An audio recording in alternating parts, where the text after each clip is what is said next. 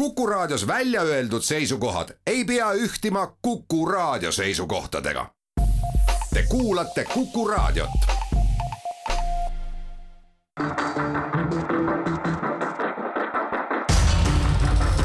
muuli ja Aavik.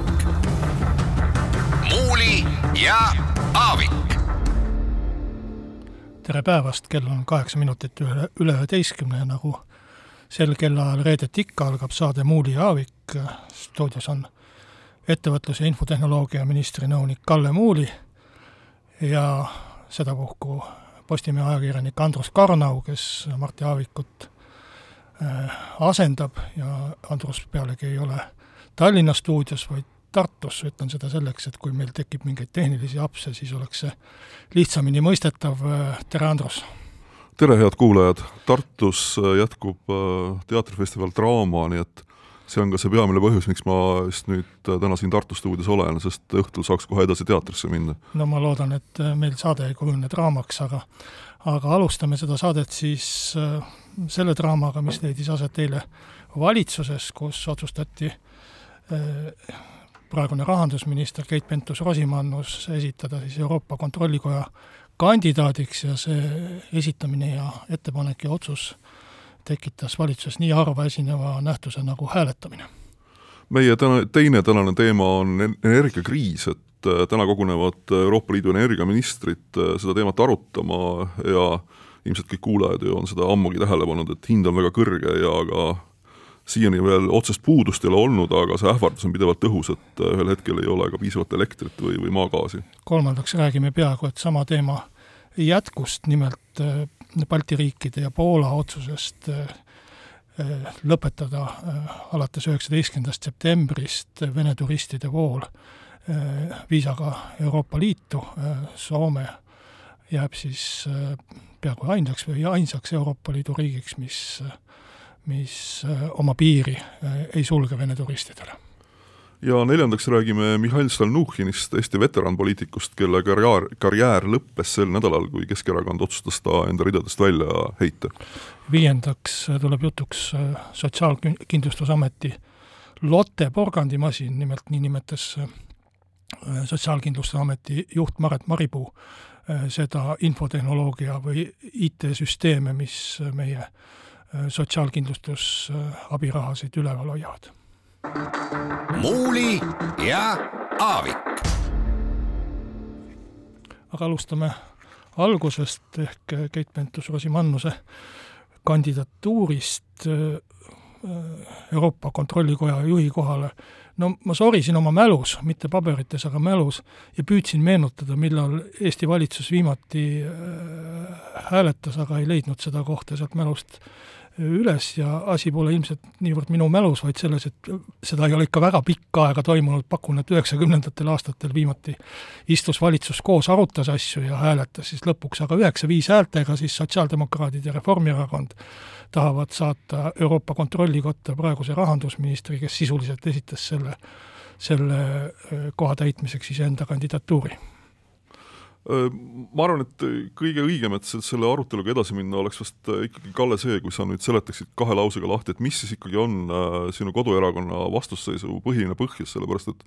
kui ma loen siis äh, Isamaa juhtide väiteid, siis need on üsna sellised tühi, tühikõlalised, et öeldakse, et arutelu tuleb jätkata ja arutelu tuleb kuidagi süvendada ja avalikustada või et see kõik on minu jaoks selline Äh, ma saan aru, et äh, Isamaa on vastu, aga ma ei ole kuulnud nagu selget argumenti, et miks nad on vastu, mis see põhjus on? no kõige esimene põhjus või kõige selline äh, põhiline põhjus on see, et kui sa räägid, et arutelu tuleks jätkata või arutelu, siis tegelikult arutelu ei ole olnudki. see, kuidas see küsimus valitsuse päevakorda tuli, see tuli niiviisi, et kolmapäeval teda veel ei olnud, me istume äh, igal kolmapäeval Isamaa ministritega koos ja vaatame valitsuse päevakorra läbi, kujundame oma seisukoha, arutame. Äh, see küsimus pandi äh, valitsuse päevakorda niiviisi, suhteliselt tähtis personaliküsimus siiski. rahandusministri äh, äraminek, uue tulek ja Euroopa Kontrollikoja Kalle, aga see on vormiline, mis sa no, nüüd räägid. no aga nii see ei tehta koalitsioonis, selles ongi nagu asi, et sa, sa paned tund aega enne valitsuse istungi algust teatab peaminister siis või siis Reformierakonna juht teiste erakondade juhtidele, et kuule, meil tuleb nüüd selline küsimus ka. et tegelikult ju sellised asjad lepitakse enne kokku et valitsus ei tehta selliseid käike, see näitab juba sellist suhtumist teistesse valitsuspartneritesse. see, see on ju esimene tõrge, me ei ole saanud seda arutada. kas sa oled kuulnud mingitest kandidaatidest, mingitest aruteludest kuskil sel teemal? see on tähtis koht, mida Eesti täidab. ja, ja kui me räägime siin Mikk Marranist või, või kellest iganes, keda mingi komisjon valis, toimus mingi protseduur, midagi sellist ei ole ju olnud. et rahandusminister peab esitama selle kandidaadi ja nüüd ta, Andrus, teeb sellise triki, et äh, laseb sellesama kandidatuuri, mida ta ise peaks esitada, esitada enda sellele kohale. no see on ju, ma ei, ma ei tea, no kriminaalses mõttes ta korruptsioon ei ole, aga aga esitada iseennast kandidaadiks sellele kohale, sama hästi võiks keskkonnaminister esitada ennast RMK äh, juhi kandidaadiks, et see ei ole ju korrektne see, see, see on nagu see esimene põhjus. ma jään ikkagi selle juurde, et ma ei kuulnud ühtegi äh, sisulist argumenti, et miks Keit Pentus-Rosimannus sellele ametikohale ei sobi, et äh, ma ei ole kuulnud seda väidet, et kas tal on pädevusega probleeme, kas tal on äh, mingeid eetilisi probleeme, miks ta ei sobi, aga see selleks. ma et..., ma, ma esitan sisuse, sisuliselt ka, ma rääkisin praegu tõesti sellepärast, et see arutelu lihtsalt ei olnud korrektne viis aga.... ja, ja aga, aga sisuline argument on see, mis oli ka eelmine kord Juhan Partsi vastu keegi enam ei mäleta, kuidas Partsi esitamine käis. aga siis oli äh, väga palju Juhan Partsi vastu, kes ei olnud minister, kes oli küll Isamaa erakonna äh, juhatuse liige tol hetkel ja kes oli Riigikogu liige, tema vastu oli põhiline argument oli see, et ta on tegevpoliitik, ta kuulub ühe partei juhatusse, aga Euroopa Kontrollikoda on äh, erapooletu, sõltumatu organisatsioon ja sinna peaks minema inimene, kes ei ole nii lähedalt poliitikaga seotud. ja nüüd me esitame niisuguse tegevpoliitiku, kes on lausa rahandusministri ametis ja kelle erakond on parajasti ka võimul. et tegelikult Isamaa oleks soovinud sellel kohal näha kedagi, kes oleks vähem poliitiline ja, ja rohkem äh, kõrvalt ja võib-olla, et ei oleks üldse erakondliku kuuluvusega olnud. no ma oskan selle peale vastu öelda seda, et äh, siis, kui Juhan Parts äh, sellesse ametisse nimetati, siis äh, Isamaale ilmselgelt erakonnakaaslane sobis. aga mis, kui nüüd tagasi tulla selle ootamatu nimetamise juurde, siis ma ei olnudki nende koalitsiooniläbirääkimiste laua taga, aga mulle on väidetud, et see ikkagi lepiti koalitsiooniläbirääkimistel kokku. see on, sa, sul on valesti väidetud, ei lepitud. lepiti kokku, et seda arutatakse hiljem valitsuses ja koalitsiooniläbirääkimistel lepiti kokku, et valitsus otsustab kõik asjad konsensuslikult. aga vähemalt ei saa öelda minu meelest Isamaa poliitikud seda, et nad ei teadnud seda, et Reformierakond soovib Keit Pentus-Rosimannust sellele kohale seda esitada. seda me tõesti tead-, teadsime, aga me ei teadnud, et ta esitatakse. et äh, minu meelest äh, erakonna esimees Helir-Valdor Seeder esines ju eile väidetega, mis, millest vähemalt mina sain niimoodi aru, nagu see oleks talle üldse üllatusena tulnud, et, et Reformierakonna soov on näha rahandusministrit sellel ametikohal. aga noh, kui sisuliselt rääkida, siis ega siis Kontrollikoda on iseenesest ju selline, kontrollikoja liige on üks selline auametikoht, mis on Eestil võimalik täita ja iseenesest ju noh, kui rääkida sisulistest äh, poolest, siis ilmselt ei ole ju ühtegi takistust, miks Keit Pentus-Rosimannus ei võiks selle ametikoha täitmisega saada hakkama, sest ju noh, kui ma väga tugevalt lihtsustan, siis tegelikult äh, peamine eeldus, mis sellel ametikohal oodatakse inimeselt, on see, et ta koduriigile ehk siis Eestile häbi ei teeks. ja ilmselt seda ju, seda ohtu ju ei ole. no ma olen äh, sellega nõus, et et tõenäosus, et Keit Pentus osaleb homoorgial ja ronib pärast seda politsei eest mööda vihmavotoru alla, mida on Brüsselis ju juhtunud mõne teise riigi poliitikutega, et seda, seda hirmu me tõenäoliselt tundma ei pea ja, ja selles mõttes on kõik korras ja küllap ta ka oma ütleme, tööoskustelt, keeleoskustelt ja muudelt omadustelt sellesse ametisse tõesti sobib, formaalsed tingimused on täidetud. küsimus oligi esiteks selles protseduuris, et äh, ei arutatud seda äh, ega kaalutud ühtegi teisi ja neutraalsemaid kandidaate. ja, ja, ja, ja küsimus on siis ka see, et kuidas ikkagi rahandusminister saab iseennast esitada. Äh, seaduse järgi peaks ta ju mingisuguse kandidaati esitama, no see on, see on absurd, et nii ei, nii ei tohiks teha. aga, aga küsimus ei ole ainult Keit Pentus-Rosimannusest, ma arvan, et, et Eestile ta see läbi ei tee, olen nõus sinuga. küsimus on selles, kuidas peaminister juhib valitsust ja, ja see on kahetsusväärne. varsti tuleb Kaja Kallas ja hakkab meile rääkima, et vot koostöö ei suju, Seeder istub seal Riigikogus ja takistab. et tegelikult ta ise lammutab selliste asjadega öö, oma valitsust. kui sa korraldad valitsuses hääletuse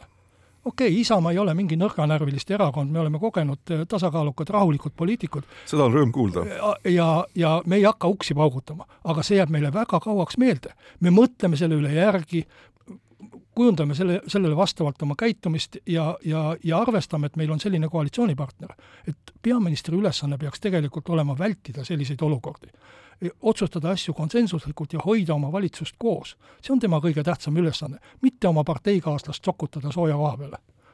nojah, see tüli, mis on nüüd puhkenud äh, kontrollikoja liikme nimetamise ümber, see kahtlemata heidab varju sellele ametikohale, et kui ma nüüd õigesti mäletan, siis need varasemad korrad on ju liibi, läinud suhteliselt rahulikult, aga aga seoses Keit Pentus-Rosimannusega on minul ikkagi see küsimus, et, et kui kaua võib vana asja meelde tuletada, et ehk siis äh, minu meelest mina ei sama... ole muide Autorollot maininud, kui sa tähele paned no,. ma tahtsin selleni ikkagi jõuda. viisteist minutit olen rääkinud, aga ei ole Autorollot maininud. et aga ma ikkagi tahan selleni jõuda ja ikkagi nagu selle korraks läbi arutada, et, et see kahe tuhande kaheksandal aastal alanud skandaal, et, et sellest on nüüd möödas, palju meil see on, neliteist aastat on möödas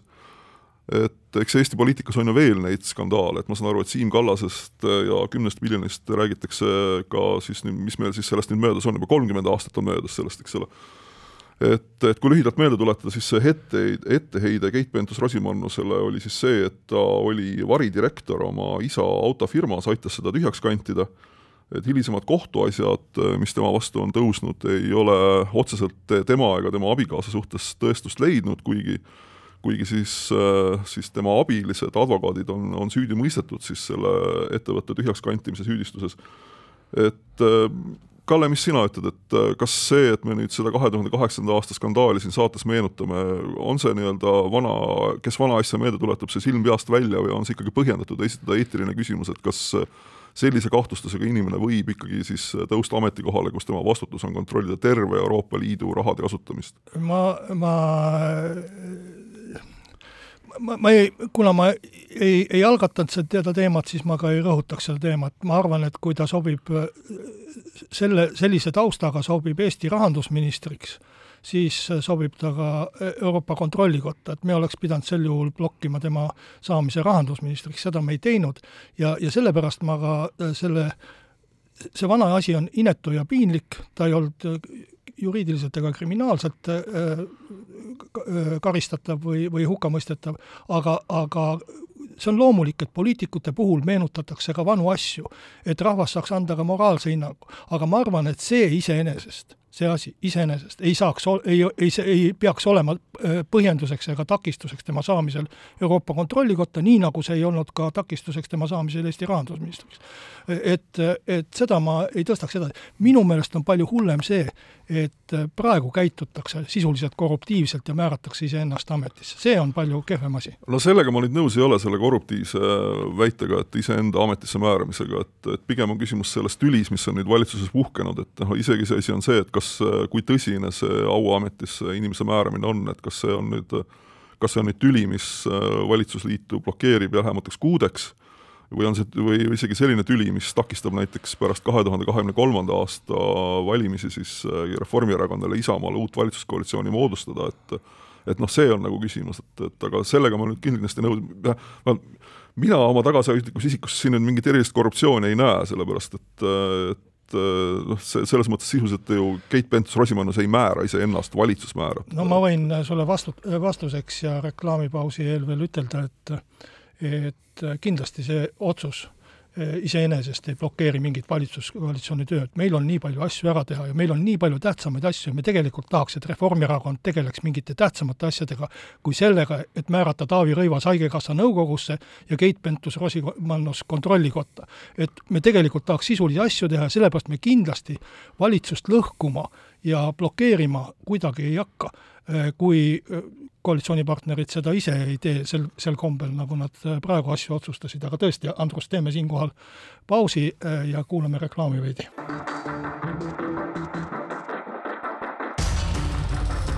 muuli ja Aavik. muuli ja Aavik tere, head kuulajad, saade läheb edasi, et äh, me räägime nüüd energiakriisist, et äh, mis äh, meie saate seisukohalt on täiesti tänamatu, on see, et täna kogunevad energeetikaministrid, täna õhtuks on teada, et milles nad on kokku leppinud, kui nad suudavad milleski kokku leppida, ja meie siin siis nüüd oleme sellise nii-öelda poole tee peal, ehk siis püüame arutada seda, et, et mis sealt võiks tulla, et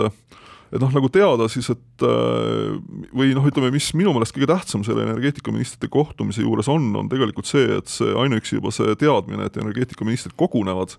ja asja arutavad ja siin terve hulk riike on juba lubanud, noh, sealhulgas ju ka Eesti on lubanud äh, toetusi siis äh, kõrgete energiahindade tõttu ettevõtetele ja kodumajapidamistele, et et ainuüksi see lubadus, ma arvan, juba rahustab turge, alandab hindu ja annab kindlust, aga kui vaadata siis neid ettepanekuid, siis minu meelest kõige kõige lihtsam, selgem, arusaadavam ettepanek on siis ju Euroopa Liidu poolt see, et peaks maksustama elektritootjaid, juhul kui hind on üle kahesaja euro megavatt-tunni eest, see kahesaja eurone megavatt-tunnine hind, see on lihtsalt võrdluseks öelda, et see on ülikõrge, et, et veel aasta tagasi äh,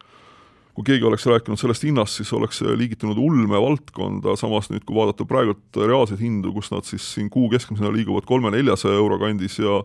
ja päeviti tunnid, kus on seitse-kaheksasada eurot, äh, siis elektri hind börsil on äh, tavalised, et, et see ettepanek, see kahesaja eurone maksustamise ettepanek tundub tähelepanuväärne, see võiks ühelt poolt toetada siis äh, nii riikide eelarveid sellega, et saada täiendavat tulu selleks, et kodumajapidamisi ja ettevõtteid toetada, teiselt poolt siis ka äh, ilmselt äh, on asi, mis on äh, mujal riikides olulisem kui Eestis, ehk siis see on õigluse küsimus, et et tõepoolest, et kui näiteks võtta seesama Narva elektrijaamade näide, et kui elektri tootmise omahind on kusagil seal sada pluss energia, sada pluss eurot, aga tundide eest, kus jaam müüb, teenib see seitsesada eurot näiteks, siis on ju selge, et see see vahepealne mitusada eurot on minu meelest ju täiesti õiglane ja mõistlik siis äh, sealt osa vähemalt seda maksustada ja siis riigieelarvetesse täiendava tuluna sisse tuua. no ma, ma olen sinuga nõus selles, et see äh, kasum on ebamõistlik ja noh, absurdne. Äh, ja, ja need hinnad ja sellest tekib siis tulem ettevõttele. aga, ja, ja ma arvan, et selle sinu poolt kõrgeks hinnatud ettepaneku nagu selline üks positiivne või minu meelest ka ainus positiivne külg on see, et see on tõesti arusaadav ja ilmselt ka rahvale populaarne lahendus ja, ja, ja lihtne ja selge, et võtame rikastelt ettevõtetelt ära ja jagame seda ümber. aga, aga kui sa nagu kujutad seda ette Eesti oludes, mis mõtet on Eesti Energialt seda kasumit ära võtta, kui riik saab selle ka dividendina ära võtta ja, ja, ja ümber jagada. et ma, ma ei näe nagu sellel väga suurt mõtet ja, ja ka ütleme niiviisi, maailmavaateliselt on ta mulle suhteliselt vastuvõetamatu. jälle maksud, jälle kelleltki ära, jälle riigikassasse ja siis poliitikud hakkavad ümber jagama. mõistlikum ja lihtsam oleks ju elektri all, hind alla viia ja jätta see raha kohe inimestele kätte et nad ei peaks seda ära maksma vahepeal Eesti Energiale, Eesti Energia kaudu riigile ja siis riik vaatab, et mõni saab, mõni ei saa, kellele me toetust maksame, kellele ei maksa. et mõistlik on elektritarbijale see kohe kätte jätta ja sellepärast minu meelest palju parem ettepanek on see, mille Poola tegi. et seame hinnalae saastekvoodile näiteks, see viib elektri hinda palju alla. see kolmkümmend eurot, mis e, Poola seadis piiriks, see on tegelikult see eesmärk, mida Euroopa Liit praeguseks on seadnud sellele saastekvoodile. see saastekvoot on kolme, kolm korda suurem praegu või rohkem isegi ja, ja see on täiesti ebaloomulik kasv teatud spekulatsioonide tulemusel, mis ei olnud ka roheplaanides kuskil ette nähtud. et e, mõistlikum minu meelest oleks jätta see raha inimestele kätte,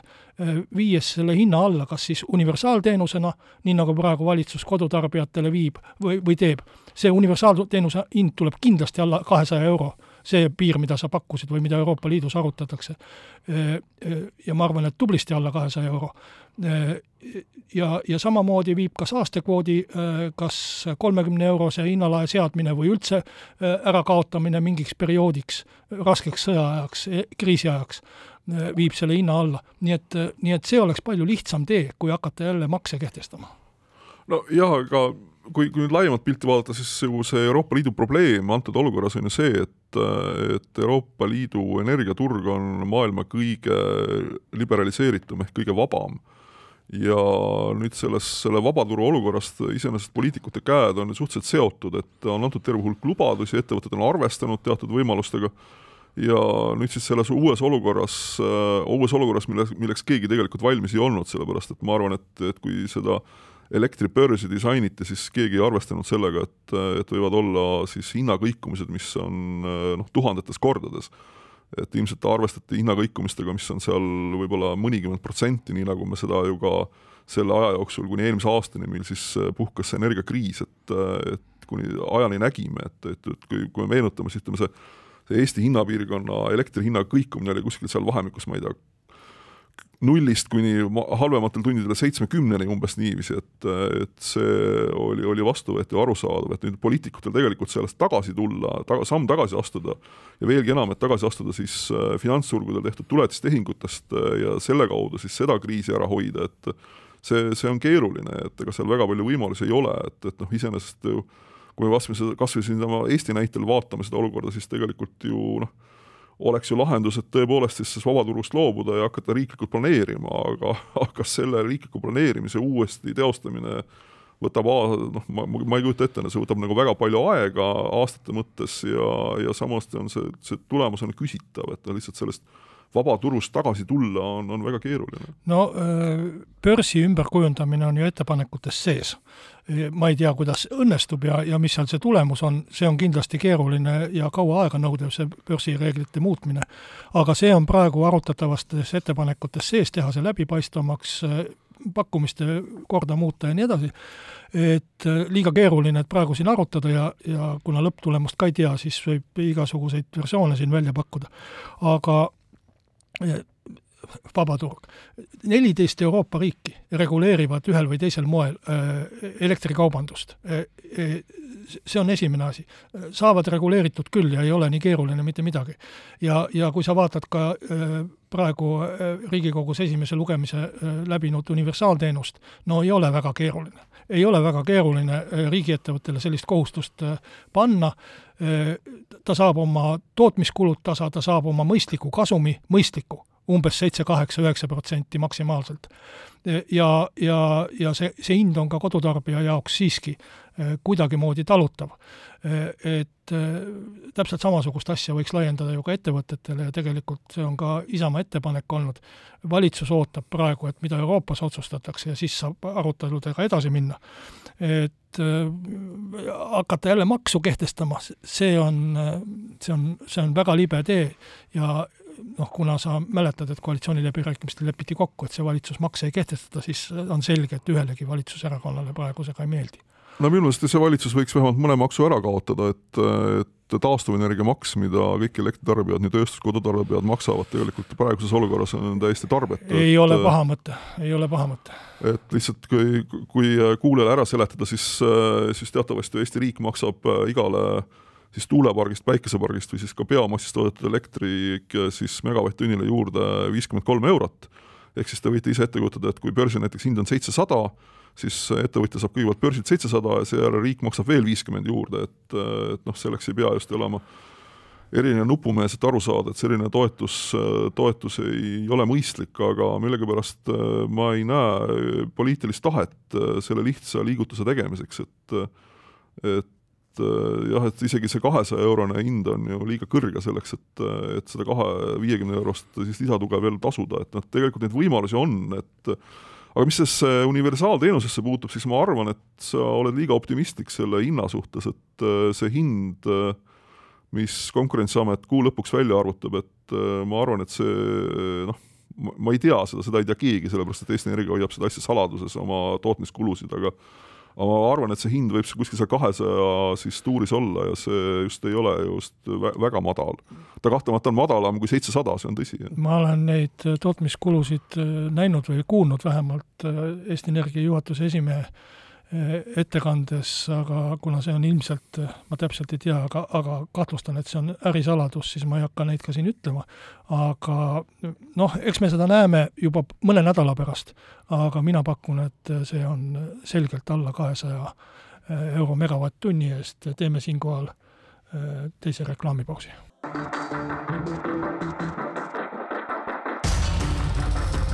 Muuli ja Aavik. Muuli ja Aavik. jätkame saadet äh, stuudios või stuudiotes Kalle Muuli ja Andrus Karnau. räägime Vene turistidele kehtestatavast äh, viisakeelust, nii nagu seda on hakatud nimetama, või sissesõidukeelust, siis äh, Balti riikide ja Poola poolt see keeld jõustub üheksateistkümnendal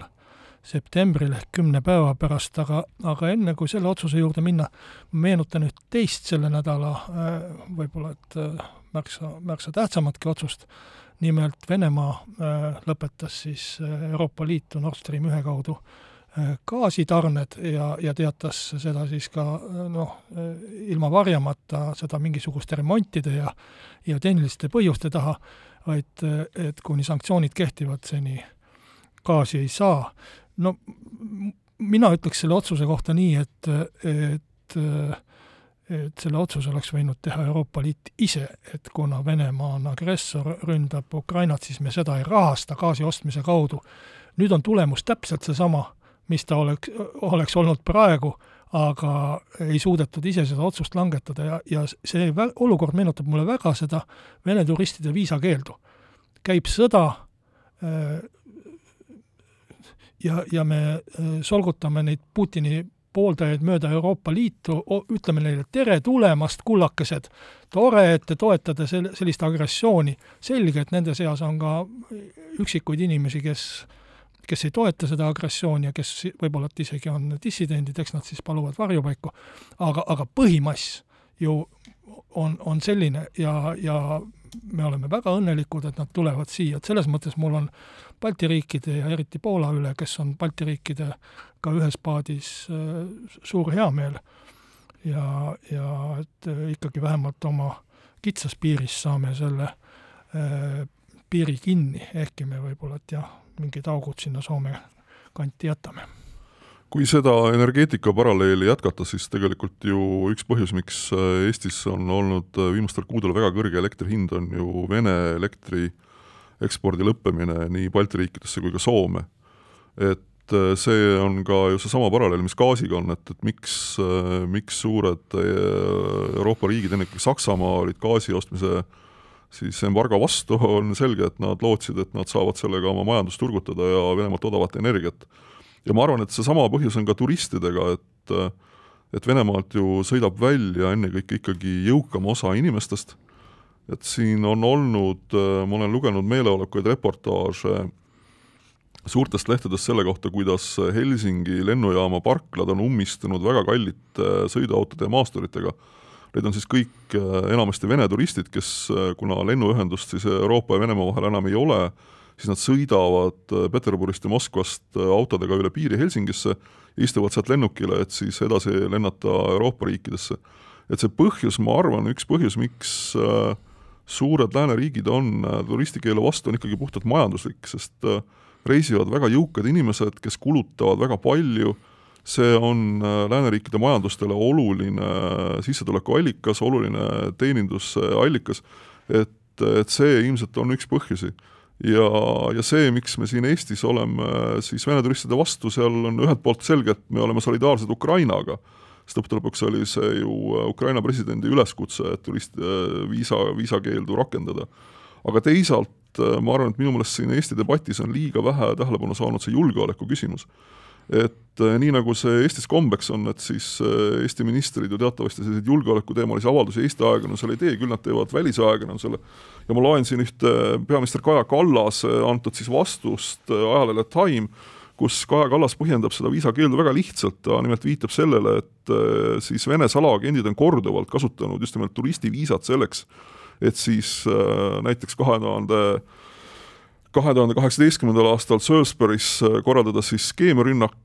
et siis äh, lasta õhku Tšehhis äh, armeelaod ja siis samuti siis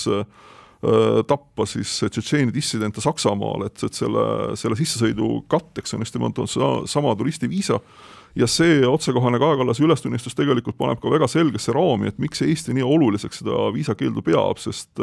sest lihtsalt on suhteliselt suur tõenäosus, et ühel hetkel on kas äh, Narvas äh, siis või, või, või Sillamäel äkki tekkinud äh, mõnesajapealine roheliste mehikeste üksus, kes kõik on sisse sõitnud äh, turistiviisadega. ja selleks, et seda olukorda vältida, siis on kõige lihtsam, äh, lihtsam panna peale keeld. no see oleks ka teatud moraalne ikkagi kohustus meile käituda, käituda agressorriigi ja tema kodanike ja lojaalsete kodanike suhtes äh, noh, otsustavalt. Ja, ja ma arvan, et lisaks sellele majanduslikule põhjusele, mis kindlasti on olemas, on tegelikult ka just see otsustamatus või, või lühinägelikkus, et, et ma arvan, et Saksamaa praegune kantsler Scholz ei ole sugugi kaugelenägelikum, kui oli eelmine Angela Merkel. et see otsustamatus, püüame ikkagi kuidagi slikerdada, et see, see on ka üks põhiasi, mul on selle teema juurde ka üks väike isiklik äh, meenutuskilluke pajatada, sõitsin hiljaaegu Itaaliasse tagasi, äh, otselend Tallinn-Napoli ja tagasi Rooma-Tallinn, äh, ma pean ütlema, et see pilt oli päris masendav, et lennuk oli noh, suures osas venelasi täis, mina nende dokumente loomulikult kontrollima ei hakanud, aga, aga lennuki check-in'is oli, oli näha, et põhiliselt olid neil käes Vene passid. et me olemegi nagu mingisugune venelaste pump siit Euroopasse. et see väga, väga tänulik olen, et see ära lõpetatakse, see, see on lihtsalt no mis mõte on seal Euroopa lennukeelul siis? kas, kas see mõte on see, et inimesed peavad autoga sõitma äh, Peterburist äh, või, või Jaanilinnast äh, Tallinnasse ja siis lennuki peal istuma? see on siis Euroopa Liidu lennukeelu mõte või? mis, mis, mis jama need Macronid ja Scholzid seal siis korraldavad meile? et, et Eesti oleks nüüd see läbipääsupunkt või, või Läti või Leedu või, või Soome. aga otse ei või siis Berliini Moskvast lennata, no võtke siis juba otselennuga Moskvast vastu oma need kallid venelased, keda te nii väga igatsete, et need teie juveelipoed tühjaks ostaksid? no ma arvan, et kui sa selle küsimuse esitad äh, kas või selles ministeeriumis, kus sa töötad, siis ma arvan, et sa leiad sealt terve hulga kolleege, kes äh, on selle olukorraga väga rahul, sellepärast et äh, Tallinna lennujaam riigiettevõte kindlasti teenib selle pealt hästi, et turistivoog on olemas et, et ma arvan, et see, see majanduslikku huvi, majanduslikku huvi me ei pea minema otsima kuhugi siis äh, Itaalia kuurortidesse või, või Saksamaa siis kallimatesse juveelipoodidesse või karusnahakauplustesse, et seda majanduslikku huvi me näeme siinsamas kodumaal. aga ühe asja ma tahaks veel õiendada, et äh, siin nüüd äh, Eestis on kritiseeritud tugevalt Soomet selle eest, et Soome ei ole nüüd täieliku viisakeeluga ühinenud ja ma tahaks sinna lihtsalt juurde ääremärkusena tuua selle, et, et minu meelest me oleme soomlaste suhtes olnud ebaõiglased, sellepärast et Soome on tegelikult esimesest septembrist äh, kümme korda vähendanud siis äh, turistiviisade vastuvõtmist. ehk siis ta praegune, see norm on vähenenud umbes sajale inimesele päevas, kes võivad siis üldse turistiviisa avaldusi esitada. et selles suhtes, äh, kuna Soome on väga tugevalt seda voogu kokku tõmmanud, no ma ütlesin kümme korda võrreldes varasemaga, et siis mulle tundub, et see Eesti poliitikute väga valuline reaktsioon soomlaste suhtes on äh, ülekohtune.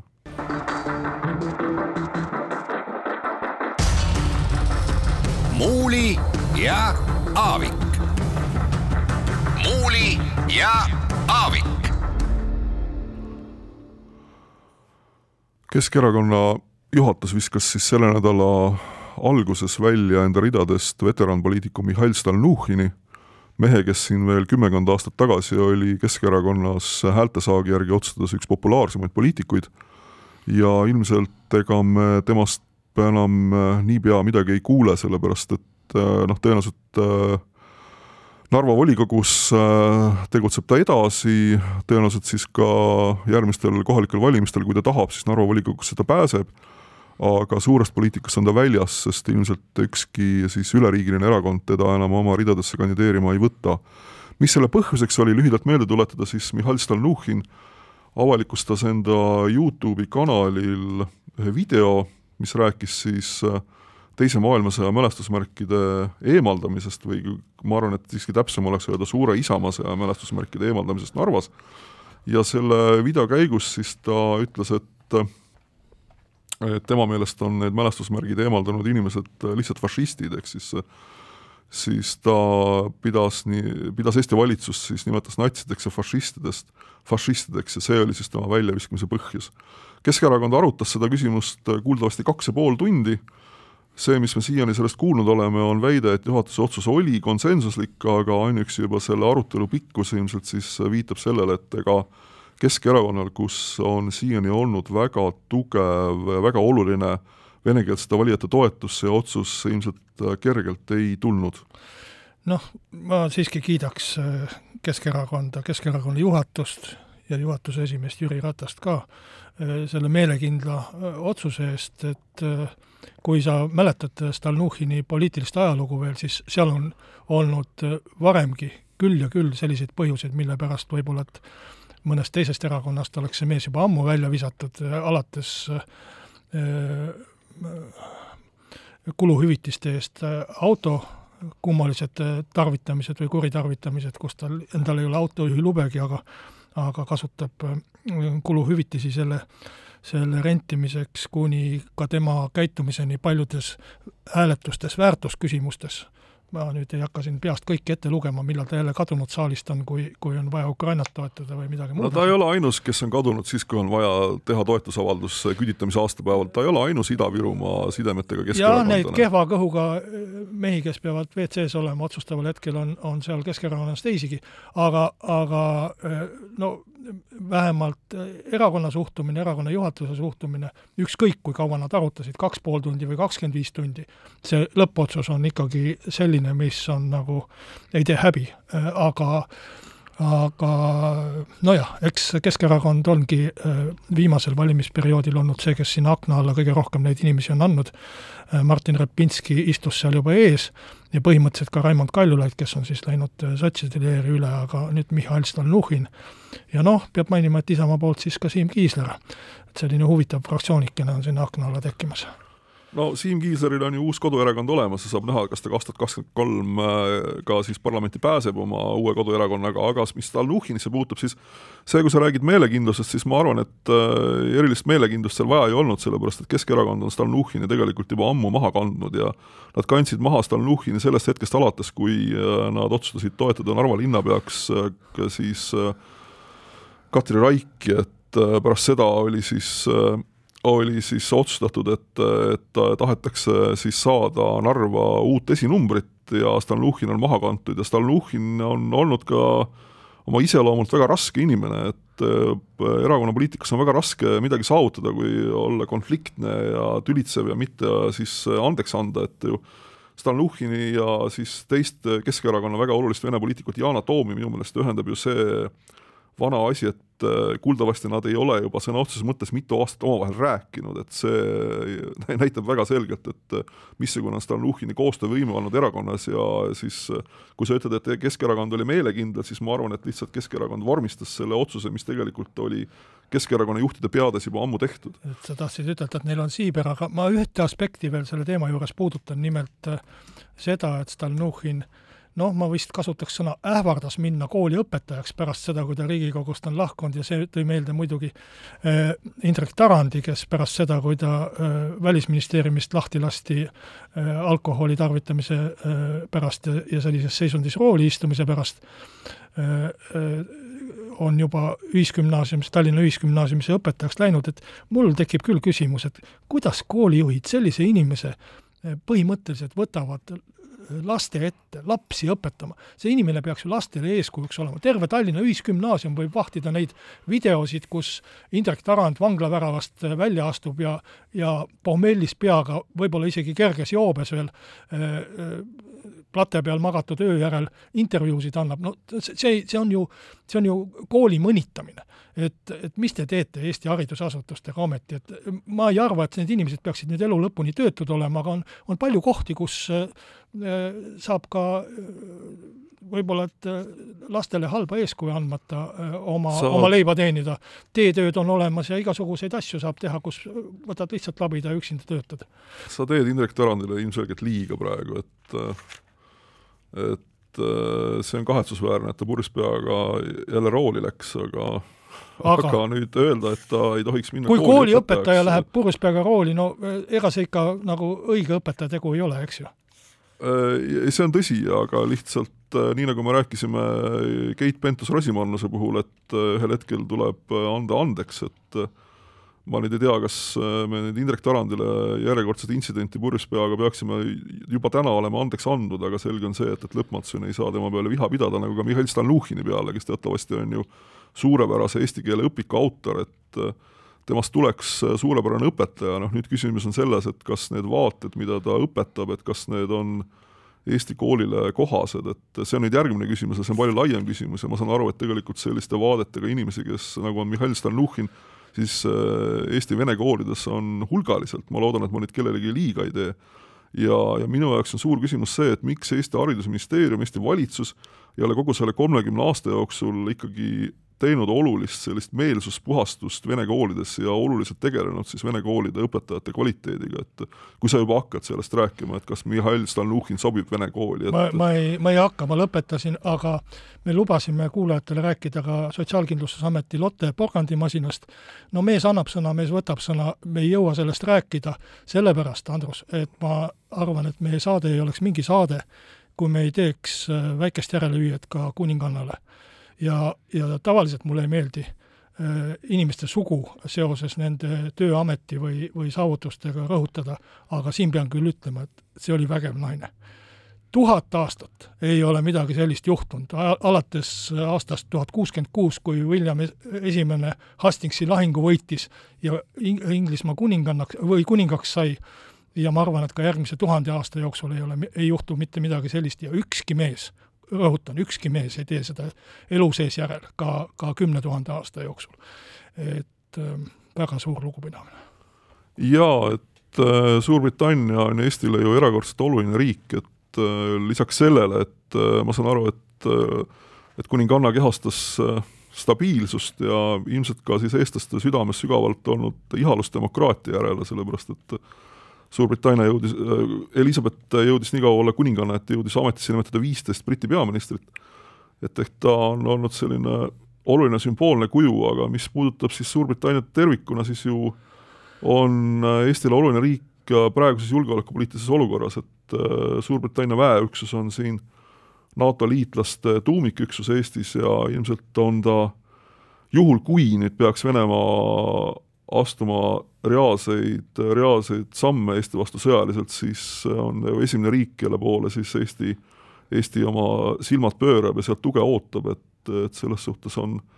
on kuninganna ja nüüd ka uus kuningas Eestile veel enam tähtsam kui, kui lihtsalt sümboolse väärtusena. Jah, räägitakse, et kuningannal ei ole päris võimu, aga see on väga suur võim ja see on autoriteedivõim Äh, mida ta kasutas äh, väga harva, põhiliselt äh, kasutas sellena, et tal see võim olemas oli ja ta seda, seda hoidis ja ära ei rikkunud mingisuguste tantsupidudena, ehkki ta väga noorelt, kahekümne kuue aastaselt juba astus kuninganna ametisse, noh,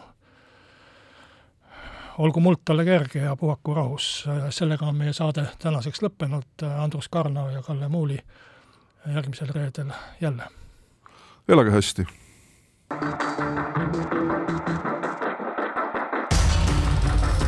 muuli ja Aavik. muuli ja